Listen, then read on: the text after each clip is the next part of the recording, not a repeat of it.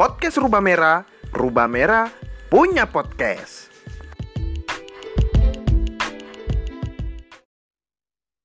Terima kasih teman-teman yang masih bertahan di sini dan uh, alhamdulillah tadi sempat tertunda karena cuaca uh, juga mati lampu. Uh, langsung saja saya panggilkan uh, teman-teman dari ruang sastra, ya, teman-teman uh, pejuang sastra uh, dari kota Gresik, dari berbagai daerah mewakili tempatnya masing-masing untuk sedikit bercerita, berbagi pengalaman di depan. Uh, saya persilakan buat uh, Mas Mas Isal, monggo maju kembali. Mas Ade sama Mas Vicky, monggo.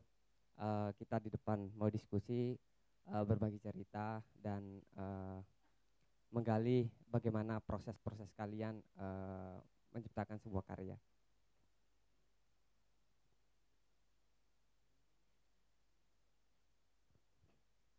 Uh, malam ini uh, kita bakal berdiskusi, uh, berdiskusi bersama teman-teman kita yang di sini yang uh, mungkin nggak semua orang kenal secara personal, tapi kita lebih mengenal mereka secara kelompok. Oh, ini teman-teman ruang sastra. Uh, perjalanan kami uh, di Sinauman ini kemarin tercetus soal bagaimana kita ingin mengetahui proses teman-teman dari orang-orang uh, yang ada di ruang sastra yang kita tahu karyanya tapi kita eh, nggak uh, pernah nggak pernah ngobrol bagaimana mereka berproses di sini bagaimana mereka ikut nimbrung di ruang sastra dan bagaimana mereka terlibat untuk memunculkan karya-karya yang berbicara soal keadaan sekitar mereka.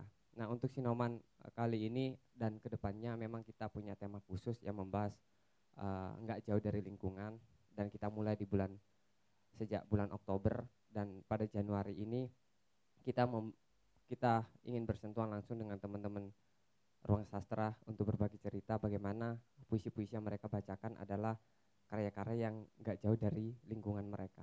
Baik itu secara sosial budaya atau pengalaman-pengalaman yang perlu dibagikan di sini dan sebelumnya uh, saya persilakan satu persatu untuk uh, memberikan perkenalan lah, perkenalan uh, bagaimana teman-teman ini awalnya awalnya kok bisa nimbrung di teman-teman ruas sastra, terus apa yang ingin dicari sebenarnya? Monggo dari Mas Isal. Assalamualaikum warahmatullahi wabarakatuh. Nama saya Muhammad Salman, biasa dipanggil Isal.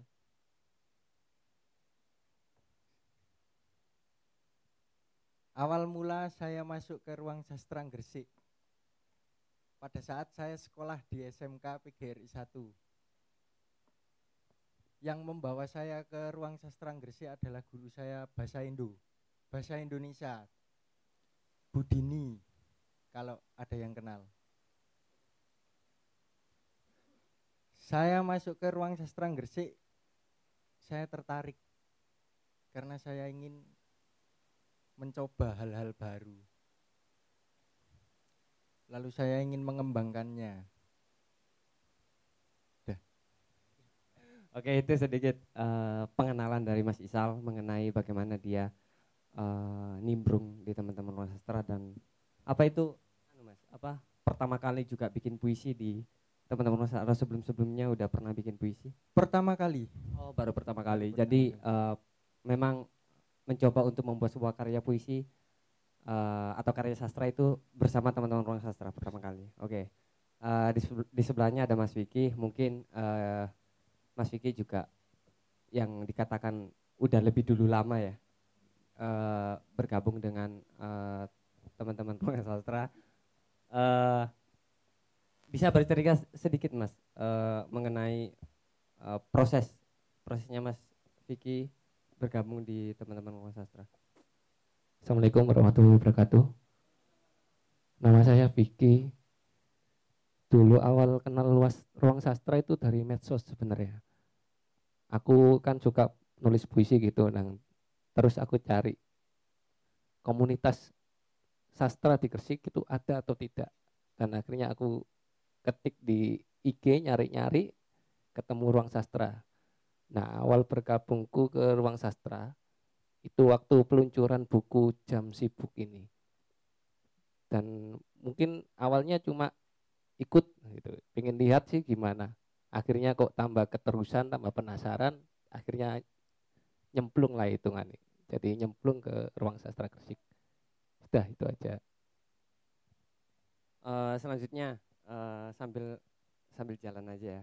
Uh, Mas Mas Ade, uh, bagaimana kurang lebih uh, cerita pengalaman bagaimana nimbrung di teman-teman Nusantara?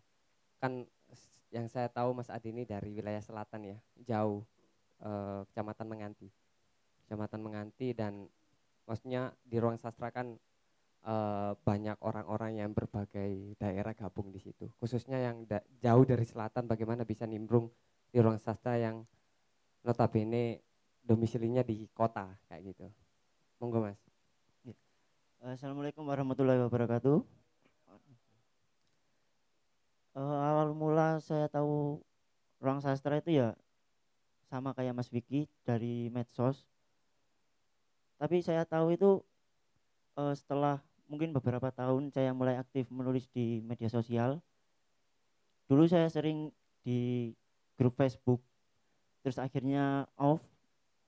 Akhirnya saya nyari-nyari di IG, kebanyakan itu untuk diskusi tentang sastra yang ada hanya di lingkup mahasiswa.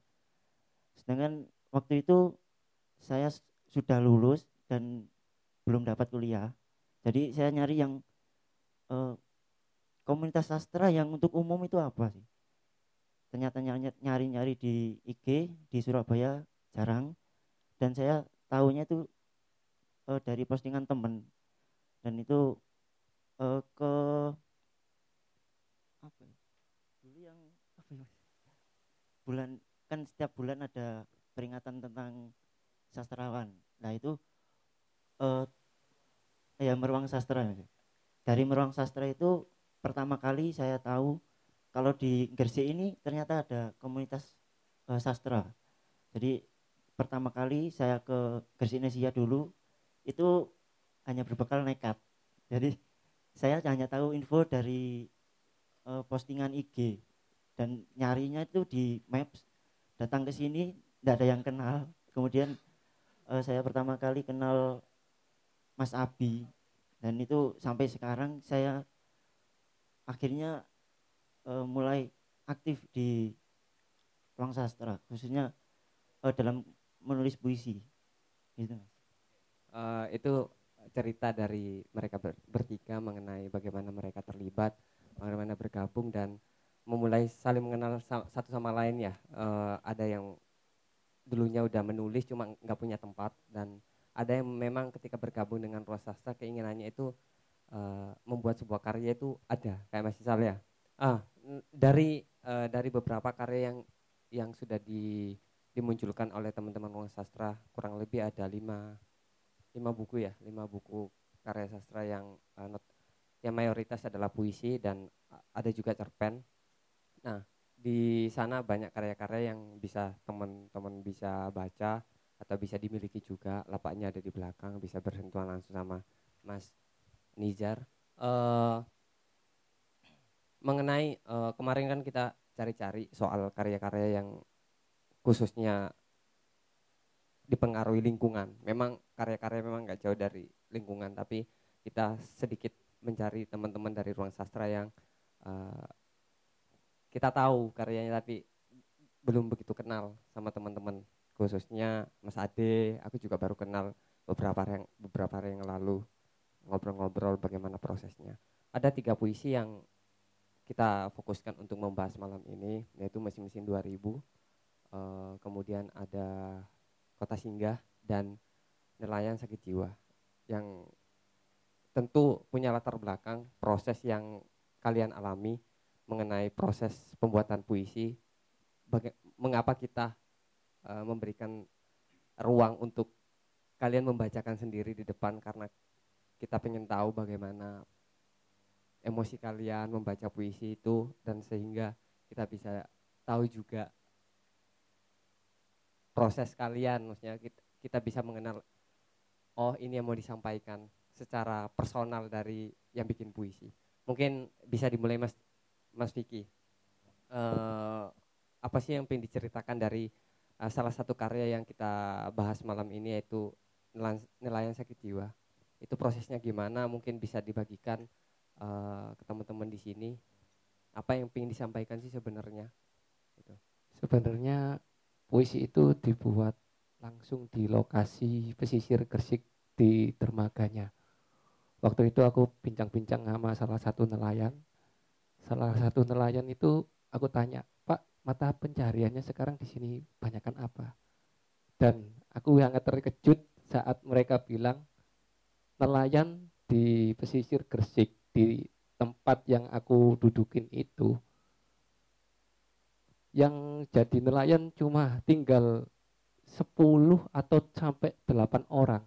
Padahal di situ ada banyak, ada puluhan perahu yang parkir di situ. Cuma mereka sudah tidak jadi nelayan lagi. Malah banyak yang yang pertama ada yang jadi taksi air buat ngangkut ABK kapal untuk datang ke daratan untuk mencari persediaan buat bekal mereka. Terus ada yang dia barter sistem barter. Jadi dia me, dia kulak. Kalau bahasa Gresik kulak di pasar terus di barter sama barang-barang yang di yang punyanya orang anak-anak ABK ABK kapal di barter biar nggak pakai belanja lagi ke pasar gitu. Ada yang sistem seperti itu. Entah itu nanti ada dapat besi, tu- besi tua atau apa. Dan yang miris banget aku menemukan waktu ngobrol-ngobrol itu menemukan fakta. Faktanya gini ternyata ikan ikan-ikan di kenapa kok beralih ke situ beralih ke taksi air? Ternyata nyari ikannya tuh jauh sekarang nggak bisa dari di pinggir-pinggir pan- di pinggir-pinggir laut kita nyari ikan dapat nggak bisa. Per- perlu jauh dulu baru dapat. Kenapa? Karena bukan karena limbah pabrik saja. Oknum-oknum yang tidak bertanggung jawab seperti nelayan-nelayan sekarang kan banyak yang mungkin ada teman-teman yang pernah dengar kalau di pesisir itu ada jual beli solar ilegal. Nah, waktu itu aku lihat laut itu banyak tumpahan solar yang mungkin baunya ya nyengat. Coba kalau main-main ke sana mungkin baunya bukan bau pabrik aja, cuma paling menyengat bau solar. Nah, itu kalau bau solar menurut keterangan sumber yang aku ngob- ajak ngobrol tadi itu karena oknum-oknum nelayan yang tidak bertanggung jawab dan akhirnya mematikan mata pencariannya sendiri sebagai nelayan. Dan itu prosesnya dari nelayan sakit jiwa. Makanya judulnya nelayan sakit jiwa karena dia berprofesi sebagai nelayan tapi membunuh mata pencariannya sendiri. Itu mungkin. Terima kasih.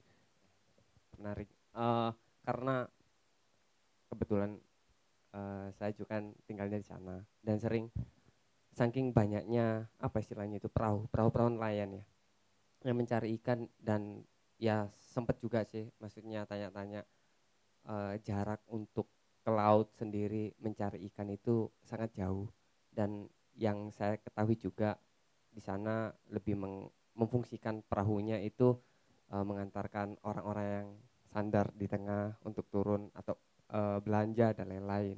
Dan untuk solar sendiri yang yang ini baru tahu, maksudnya eh, itu menjualnya ke mana, dapatnya dari mana juga nggak tahu. Tapi eh, yang adalah eh, istilah membunuh pen- mata pencariannya sendiri. Oke, nanti kita lanjut-lanjut juga mas ya. Eh, mungkin dari mas Mas Isal bisa bercerita mengenai mesin-mesin 2000. Eh, si mentang-mentang kita satu alma mater ya. Eh Seminu. bisa bercerita mengenai mesin-mesin 2000 gimana kok bisa dapat ide itu ketika apa atau apa sehingga muncul Awal mula tercipta mesin-mesin 2000 itu emang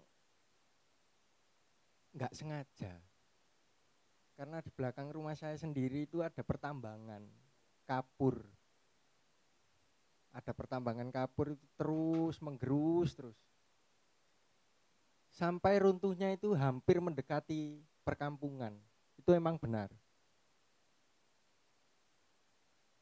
Lalu coba saya menulis itu dari situ mungkin kan karena saya juga itu eh, menulis itu juga menambah daya ingat saya sendiri kan. Cuma ketika saya menulis mesin-mesin 2000 mungkin yang ada di pikiran saya ya cuma itu pertambangan kapur itu yang terus menerus sampai sekarang sampai sekarang. Efek mungkin nggak langsung tapi mungkin di tahun yang akan datang pasti runtuh Tapi teman-teman di sini nggak tahu eh, rumahnya Mas Isal ini di mana? Karena ngomongin Gresik kan ya. rumah saya Pongangan Pongangan Rejo tepat di belakang Gresik Nesia Oh ya. Eh, dari Mas Vicky tadi mengenai eh, pesisir pesisirnya, eh, terus eh, Mas Isal di sisi Gunung Kapur. Mungkin selanjutnya Mas Ade bisa bercerita mengenai eh, kota singgah. Apakah Mas Ade ini juga eh, nggak awalnya nggak tinggal di Gresik atau memang pendatang atau bagaimana Mas? Jadi eh, saya termasuk pindahan, sering pindah-pindah. Dulu waktu kecil di Lamongan, kemudian SD kelas 3 itu pindah ke Surabaya, tepatnya di Kenjeran. Kemudian waktu mau masuk SMA itu baru pindah ke Gresik.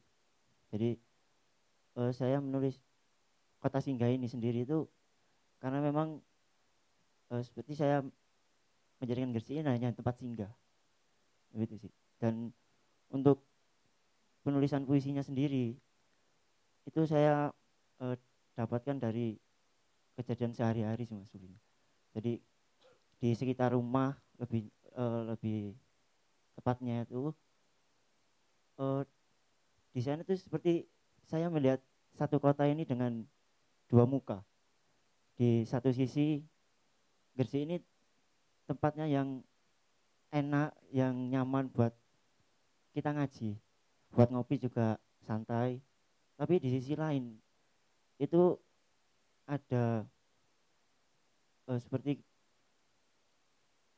eh, karena saya muslim masih eh, setiap saya mau berangkat sholat Jumat itu selalu ada em, beberapa pemuda. Itu yang eh, kalau bahasa Inggrisnya cangkruk.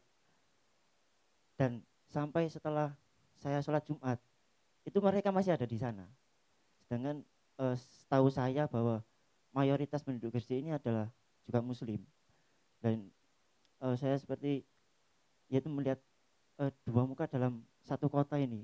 Kotanya yang eh, enak buat ngaji tentrem gitu. Tapi kok eh, ada saja sih orang orang-orang yang eh, mungkin kurang imannya atau bagaimana gitu. Ya mungkin seperti begitu mas Eh, dari ketiga teman-teman eh, di sini udah membagikan eh, bagaimana mereka eh, membuat sebuah karya. Eh, selanjutnya eh, yang pengen saya tanyakan ke teman-teman di sini, kebetulan kalian kan yang pada akhirnya nanti memperjuangkan eh, ruang sastra itu sendiri.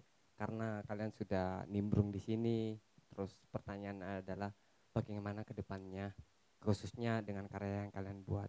Nah sebelum ke sana aku pengen tahu bagaimana sih secara kalau pengkaryaan memang karena dipengaruhi lingkungan ya dari teman-teman baik itu dari pesisir dengan kota atau eh, sebagai pendatang untuk menceritakan lingkungannya. Nah eh, bagaimana lingkungan kalian sendiri baik itu di keluarga di teman-teman kalian kok kok puisi sih gitu loh maksudnya eh, apakah ada kekuatan tersendiri ketika kalian menulis dalam bentuk karya sastra seperti puisi atau cerpen bisa gantian untuk jawab ini kenapa memilih puisi untuk dan untuk menceritakan sesuatu apakah ada keunikan atau karena lewat puisi itu eh, saya lebih lebih jujur atau ya ini ini yang harus saya sampaikan lewat sebuah karya sastra. Monggo kalian Kenapa saya memilih puisi? Karena mungkin suka sama puisi. Terus sebelum menulis itu emang suka baca buku puisi. Daripada novel, ya, saya mending pilih puisi. Terus mungkin puisi juga eh, banyak penikmatnya di kalangan anak-anak muda. Oke lanjut kalau media puisi memilih puisi kalau aku sih karena gini karena untuk diungkapkan secara lisan itu agak terlalu frontal Mas. makanya mending dikerucutkan ke sebuah tulisan dan sebuah karya jadi kita bisa meng mengimajinasikan suatu hal yang kita gelisahkan di dalam sebuah tulisan mungkin lebih bisa dinikmati oleh banyak orang. Mungkin kalau dari saya kenapa memilih puisi? Mungkin untuk bisa dinikmati banyak orang jadi bermanfaat buat semua orang. Terima kasih. Eh, kalau saya sendiri kenapa lebih milih puisi? Karena saya eh, pribadi saya saya tidak bisa menulis terlalu panjang jadi kalau semisal saya diminta untuk menulis cerpen mungkin di tengah-tengahnya itu alurnya jadi berbeda. Jadi pernah diminta teman saya buat nulis cerpen mungkin dan itu saya tidak bisa menyanggupi. Karena memang eh, pribadi saya tidak bisa tidak suka melakukan satu pekerjaan terus menerus gitu. Jadi kenapa lebih milih puisi? Karena memang puisi tidak harus berlembar-lembar jadi saya bisa menulis puisi dengan hanya beberapa bait atau beberapa eh, apa kayak beberapa baris gitu aja. Tapi eh, lebih intinya kenapa saya menulis puisi? Karena itu lebih mudah untuk dibagikan. Jadi saya bisa eh, mengkritik sesuatu dengan tidak banyak mengeluarkan tenaga. Jadi seperti itu. Eh, sebelum saya lanjut ke pertanyaan ke perta- pertanyaan berikutnya eh, karena waktu kita juga terbatas eh, semoga ada aja yang ada teman-teman di sini yang mau eh, bertanya atau ingin mengetahui sesuatu lewat kalian. Karena saya sendiri juga nggak begitu tahu pengal- pengalaman atau sejarah mengenai sastra atau karya puisi itu sendiri. Eh, saya di sini lebih ju- ju- jujur justru ingin belajar eh, sama teman-teman di sini karena melihat perkembangan selama dua tahun lebih ya perjalanan teman-teman ruang sastra udah melahirkan lima karya puisi dan itu nggak jauh dari teman-teman kalangan anak muda khususnya yang yang bakal menjadi tanggung jawab ke depannya itu menjadi penerus lah. Mungkin teman-teman ada yang mau tanya di sini untuk sharing bareng kita ngomongin proses teman-teman atau ada hal lain yang perlu ditanyakan atau justru ingin mengulik apa sih rahasia-rahasia yang bisa dibagikan oleh teman-teman yang ada di depan. Monggo yang mau tanya siapa? Mas? Mas Iqbal. Monggo Mas. Pakai mic karena ini direkam.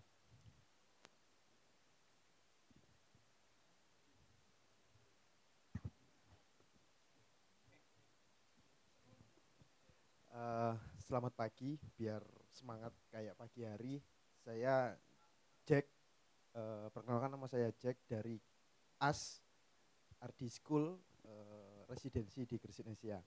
Eh, saya mau bertanya eh, ketiga narasumber yang ada di depan eh, menyangkut tema keadaan sekitar bagaimana seorang penyair ini kan di depan ini semua kan seorang penyair bagaimana seorang penyair eh, menyikapi, memahami dan mengartikan dan merenungi keadaannya masing-masing. Karena ketika tema ini diangkat berarti kan eh, seorang penyair memiliki tugas bagaimana dia memahami secara utuh. Nah, kira-kira bagaimana sih eh, metode-metodenya kayak gitu. Makasih.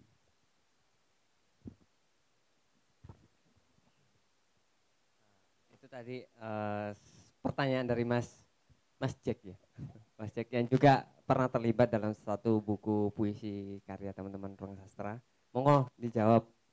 Eh, untuk memahami lingkungan sekitar, emang saya notabene bukan asli dari Gresik.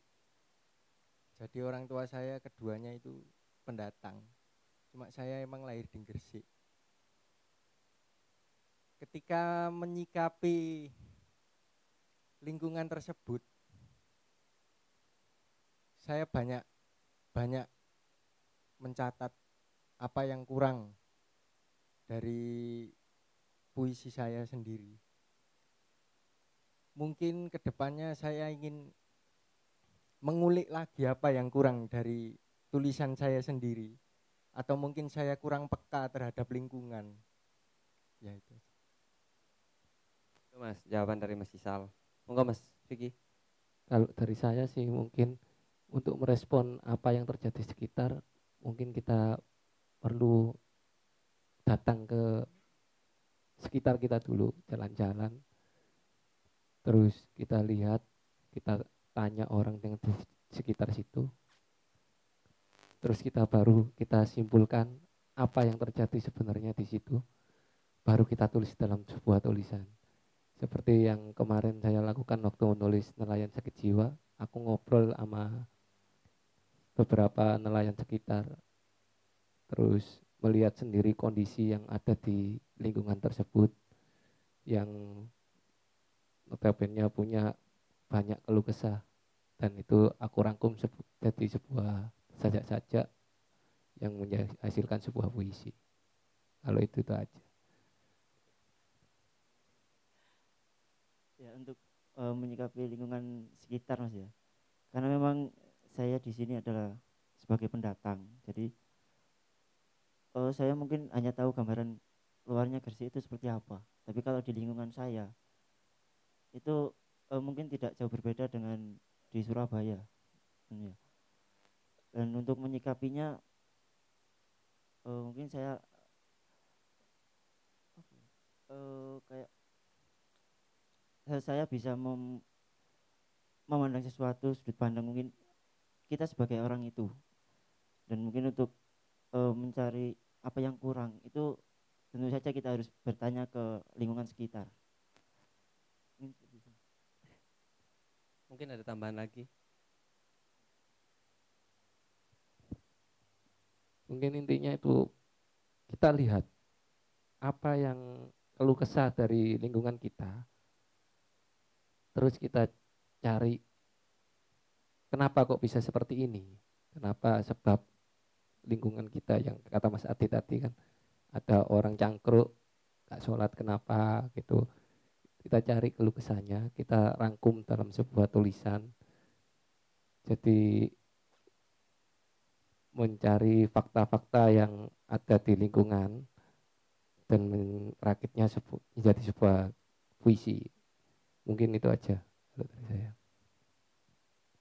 Ada tambahan pertanyaannya Mas? Mas Mas Jack.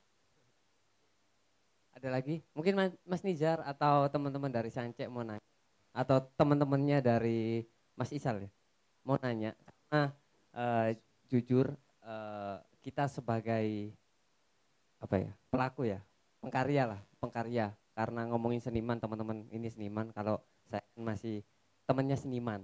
Eh yang pengen saya tahu bagaimana sih eh, lingkungan kalian bukan secara anu ya bukan secara proses pengkaryaannya tapi bagaimana teman-teman kok Mas Isal Mas eh, Mas Wiki ini bikin puisi terus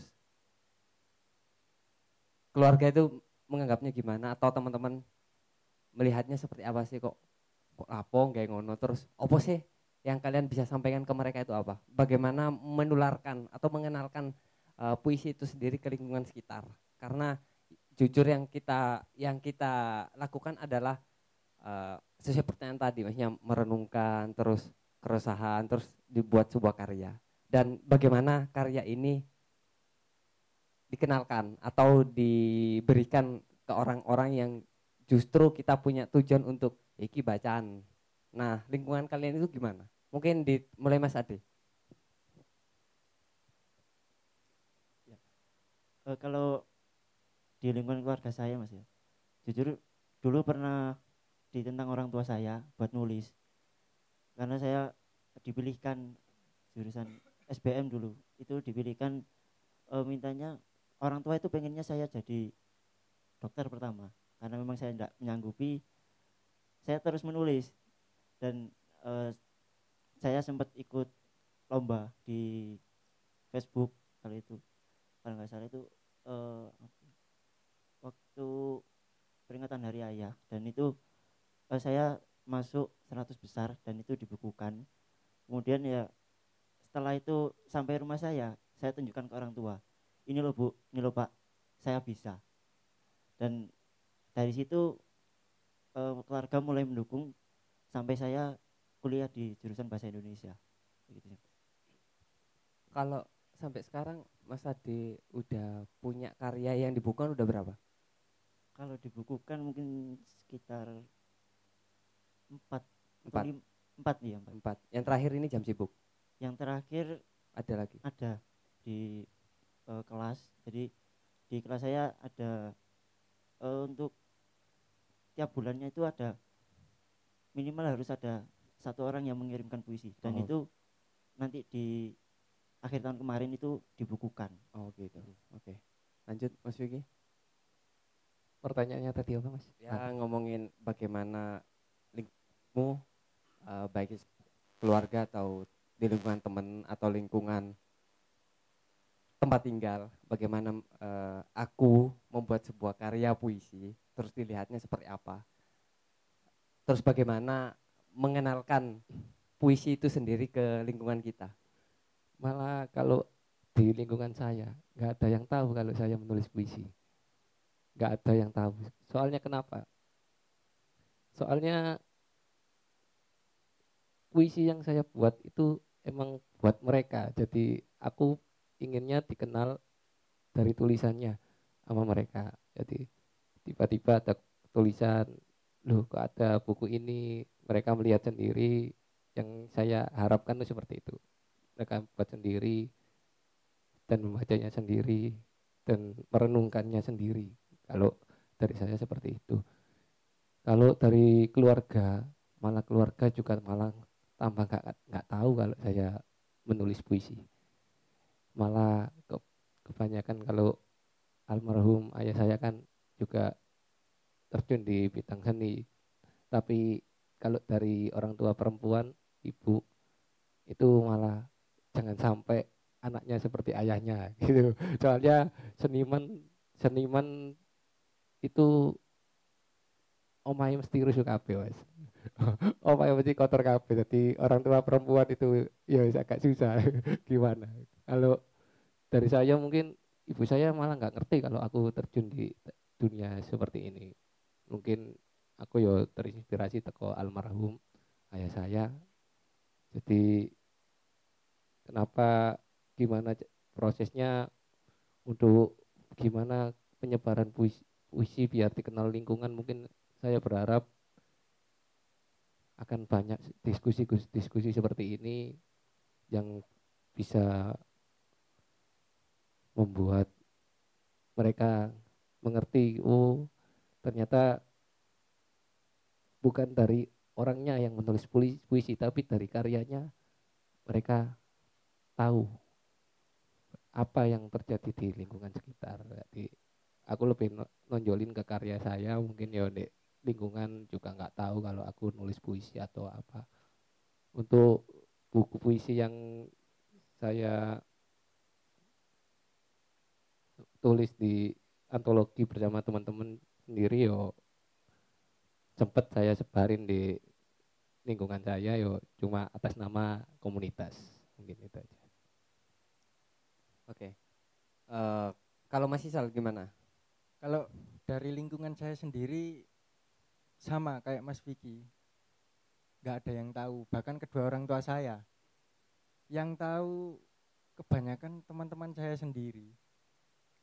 Dan memang buku pertama yang mengukir angin itu saya kasih ke teman-teman saya sendiri. Karena apa? Mungkin teman-teman saya juga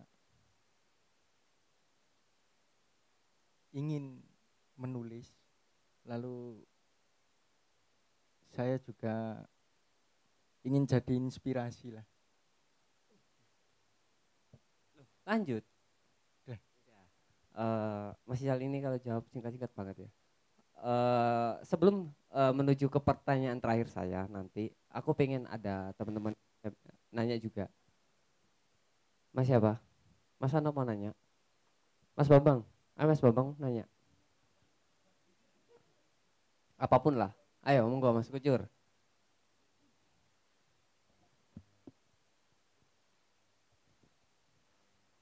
Ya, eh, nama saya Kucur dari ya, Tersangce.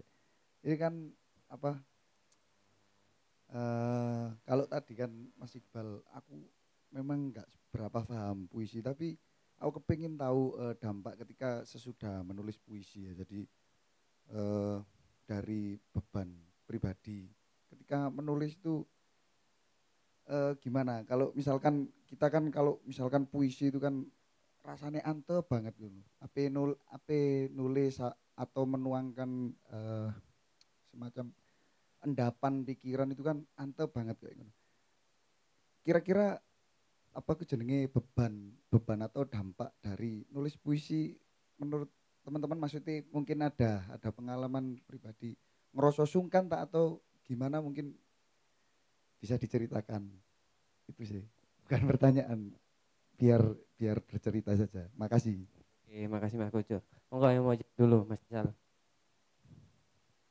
kalau beban sih mungkin iya karena saat menulis puisi itu mental saya juga diuji gimana nanti jadinya atau mungkin banyak yang kurang itu juga kita berpikir lagi cari cari-cari pandangan lagi.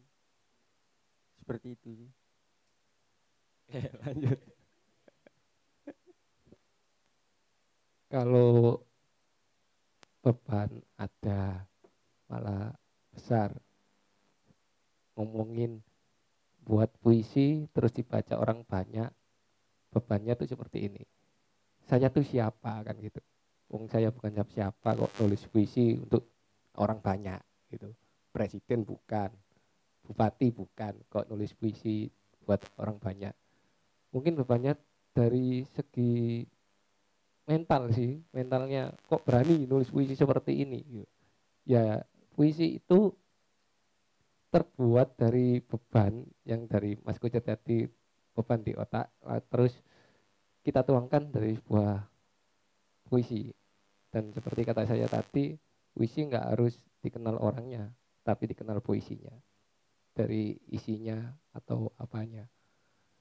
Dan mungkin setelah menulis puisi apa yang ada di pikiran kita mungkin agak sedikit tertuang coro-coro nih duwe kendaan niku curhat. Curhat apa sing ono nek sekitar kita dan kita tuangkan dari sebuah tulisan supaya kita agak menghilangkan beban kita yang yang ada di hati kita mungkin seperti itu kalau aku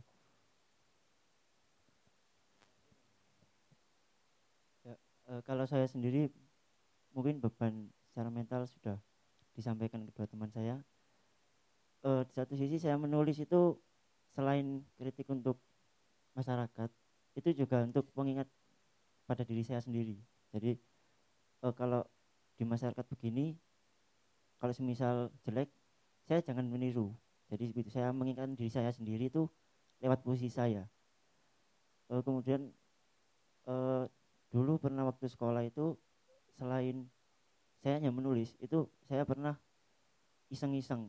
Jadi eh, menempelnya di mading. Jadi biar orang lain itu juga baca. Dan ini loh apa eh, kurangnya kita itu di mana? Mungkin seperti itu sebenarnya masih banyak pertanyaan- pertanyaan-pertanyaan yang ingin saya tanyakan karena eh tuh udah mulai larut malam dan habis ini ada sedikit sebuah persembahan dari teman-teman teater ekstra bagaimana dia juga berusaha untuk membujukan karya puisi lewat musikalisasi puisi. Ada tiga karya yang nanti mereka bawakan karena sudah terlalu malam. Jadi saya berterima kasih buat Mas Isal, Mas Vicky, Mas Adi juga. Mungkin habis ini kita eh, sharing-sharing lagi karena pertanyaan-pertanyaan yang ingin saya tanyakan belum tuntas. Eh, ngerasa masih nanggung dan terima kasih karena adik-adik kita juga terlalu malam eh, teman-teman SMA biar eh, keseluruhan bisa terlaksana dan kita sama-sama bisa menikmati semuanya. Terima kasih eh, Mas Mas Isal, Mas Vicky, Mas Ade eh, atas diskusinya malam ini dan perihal cerita yang dibagikan ke teman-teman di sini. Terima kasih. Eh, untuk itu saya kembalikan lagi ke MC untuk persiapan selanjutnya. Assalamualaikum warahmatullahi wabarakatuh.